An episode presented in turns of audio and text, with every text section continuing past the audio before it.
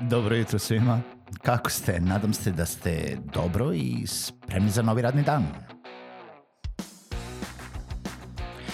Pozdrav svima i dobrodošli na podcast Male pobede, stari novi podcast koji, well, koji je tu da bi vam kroz pitanje i savete dao motivaciju, pokrenuo vas u pozitivnom smeru i pomogao da ovaj dan počne bolje, jače i možda čak i zabavnije. Moje ime je Željko Crnjaković.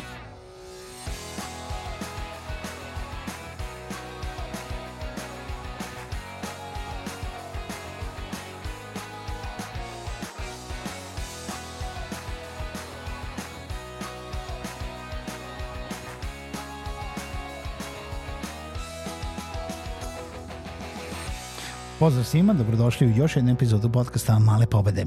Kao i uvek, veliko hvala svim onima koji podržavaju ovaj podcast putem Patreona.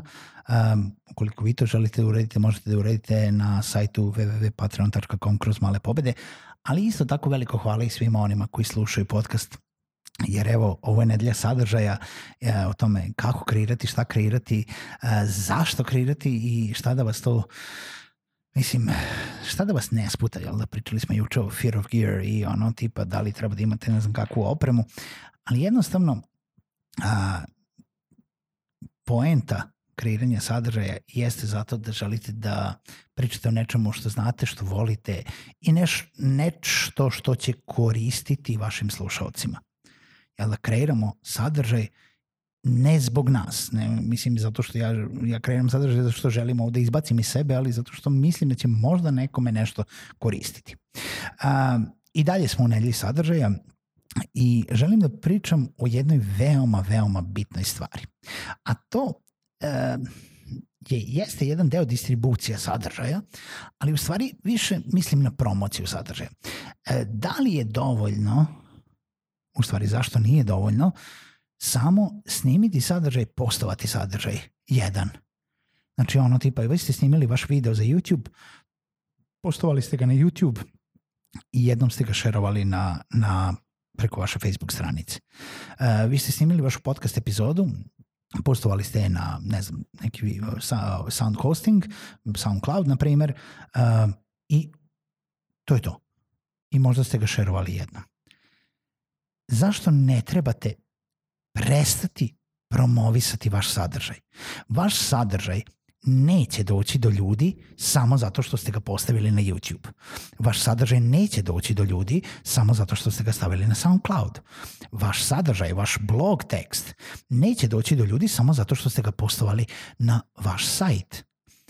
Sve dok ne naučite ljude da tamo treba da ga traže. Čak i onda kada naučite ljude da tamo treba da ga traže, jednostavno ne možete očekivati da oni prate vaš sajt za svaki novi, za svaku novu objavu vašeg teksta, audio fajla ili videa jeste, postoje načine na koji se ljudi subscribe-uju, postoje načine na koji to prate, nebitno da li je to kao podcast, da li je kao video, da li je kao blog, nebitno da li čekaju u mailu, ali vi ne možete prestati promovisati vaš sadržaj. Vi uvijek želite da dođete do neke nove publike, vaša stara publika neće kontinualno pratiti vaš sadržaj i poenta svega jeste da vi promovišete to što ste napravili nenormalno, pričali smo o tome, nenormalno puno sadržaja se kreira danas. Svakog minuta, svakog sata se ogromne količine sadržaja uploaduju na internet i šire putem društvenih mreža, putem e-mailova, putem e, notifikacija za onih ljudi koji su pretplaćeni na taj sadržaj, putem sajtova, putem bilo čega. Direktnih poruka sa, sa, sa druge strane. Nije dovoljno I sad o, ovo spada u kategoriju da vam recimo pričam nešto što sam primetio minus kod mene, minus kod ovoga što ja radim. Jednostavno nemam vremena da ne znam nija koliko uložim u promovisanje sadržaja i sve ono što sam skupio od vas slušalaca jeste došlo na neki način organski širenjem kroz tu i tamo neku mini promociju, share na oni, oni ljudi koji me prate na društvenim mrežama, uh, jednom, drugoj, trećoj, uh, na Instagramu i tako dalje. Ali male pobede nemaju neko, neki poseban marketinški plan. Što je velika greška sa moje strane. I to treba da se promeni u nekom narednom periodu. I moram da sam sebi odvojim vreme da radim na tome. Moram da odvojim vreme, uh, imam ja ideju kako bi to trebalo da se radi. Ima, znači podcast može da se promoviše i kroz, Instagram i kroz uh, Facebook i kroz uh, LinkedIn i kroz Twitter i kroz sve drugo. I poenta je da bi mogli da se jednostavno uh, stalno vraćamo na neke epizode, da, da delimo neke interesantne slike, da delimo neke citate, da delimo isečke sadržaja, da stalno asociramo ljude na taj sadržaj, jer jedno, to je jedini način da vi non stop budete negde on top of mind, jel da, uh, negde e, vašim slušalcima i vašoj publici stalno negde u vidokrugu. Da bi se ljudi setili, da imaju vremena, da kad imaju vremena poslušaju ili pročitaju ono što ste uradili i kreirali. Ne smete da prestanete da promovišete vaš sadržaj. Ne kažem da treba da trošiti nenormalne pare na to. Ne smete da prestanete da pričate o vašem sadržaju ukoliko želite da popularišete isti. Ukoliko vi to radite samo kao hobi, kao ovo, kao ono, da, ok, prvih mesec dana, šest meseci, godinu dana, radite kako god želite ukoliko želite da se bavite ozbiljno nekim sadržajem, vi konstantno morate da ga promovišete. Ako ste brand, nije dovoljno da stavite vaš video koji ste možda čak i dali nekome da platili nekome da napravi, da ga stavite samo na vaš sajt. To nije dovoljno. Džaba ste, džaba ste ga radili, bacili ste pare.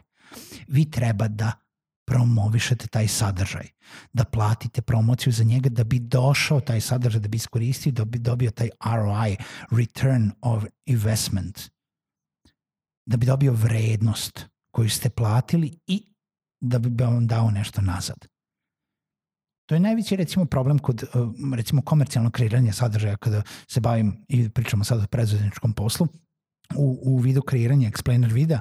Najveći problem je uh, objasniti klijentima i ljudima da da, treba da se plati sadržaj, jer taj sadržaj je unikatno kreiran, crtan, animiran za vas, ali vi morate biti svesni da vi nakon vremena provedenog u produkciji, cene koju ste platili za video, treba da izdvojite još para da biste promovisali taj video, jer jedino će tako da vam da neku posle, posle vrednost još. Jedino će tako da vredi neće biti dosta u velikoj većini slučajeva da ga samo stavite na sajt, što masa klijenata radi. U, ono, i isključivo. Stavit ćemo ga na sajt, mi smo to uradili, pff, neko nam je rekao treba da imamo video, yeah, job done, mic drop i to je to. Ukoliko, pogotovo recimo, vi kreirate sadržaj za sebe, nebitno da li za brand ili za, za lični brand, ovaj, podcast, hobi, šta god, ukoliko želite skupiti slušalice, ne smete nikada prestati promovisati sadržaj. I to je fokus ove epizode. Ukoliko kreirate sadržaj, ne smete ga prestati ovaj, a, promovisati. Ne mora to, kao opet kažem, da bude plaćeno. Možda bude share, možda bude reshare, možete konstantno da se vraćate i koristite neke druge stvari, napravite post oko toga, napravite neku šalu oko toga, napravite sliku neku oko toga, napravite citat, napravite isečak, napravite thumbnail, da napravite stalno neko vraćanje na taj sadržaj, ne samo ono kao tipa reshare ono istog ovaj, uh, posta iz nedelje u nedelju, nego neki storyline oko toga, neki teaser koji bi mogao da zainteresuje ljude da se vrati na taj sadržaj, da ga pročita, posluša, pogleda razmislite o tome. Mala pobeda za danas, pored toga što kreirate sadržaj, mislite o marketingu tog sadržaja.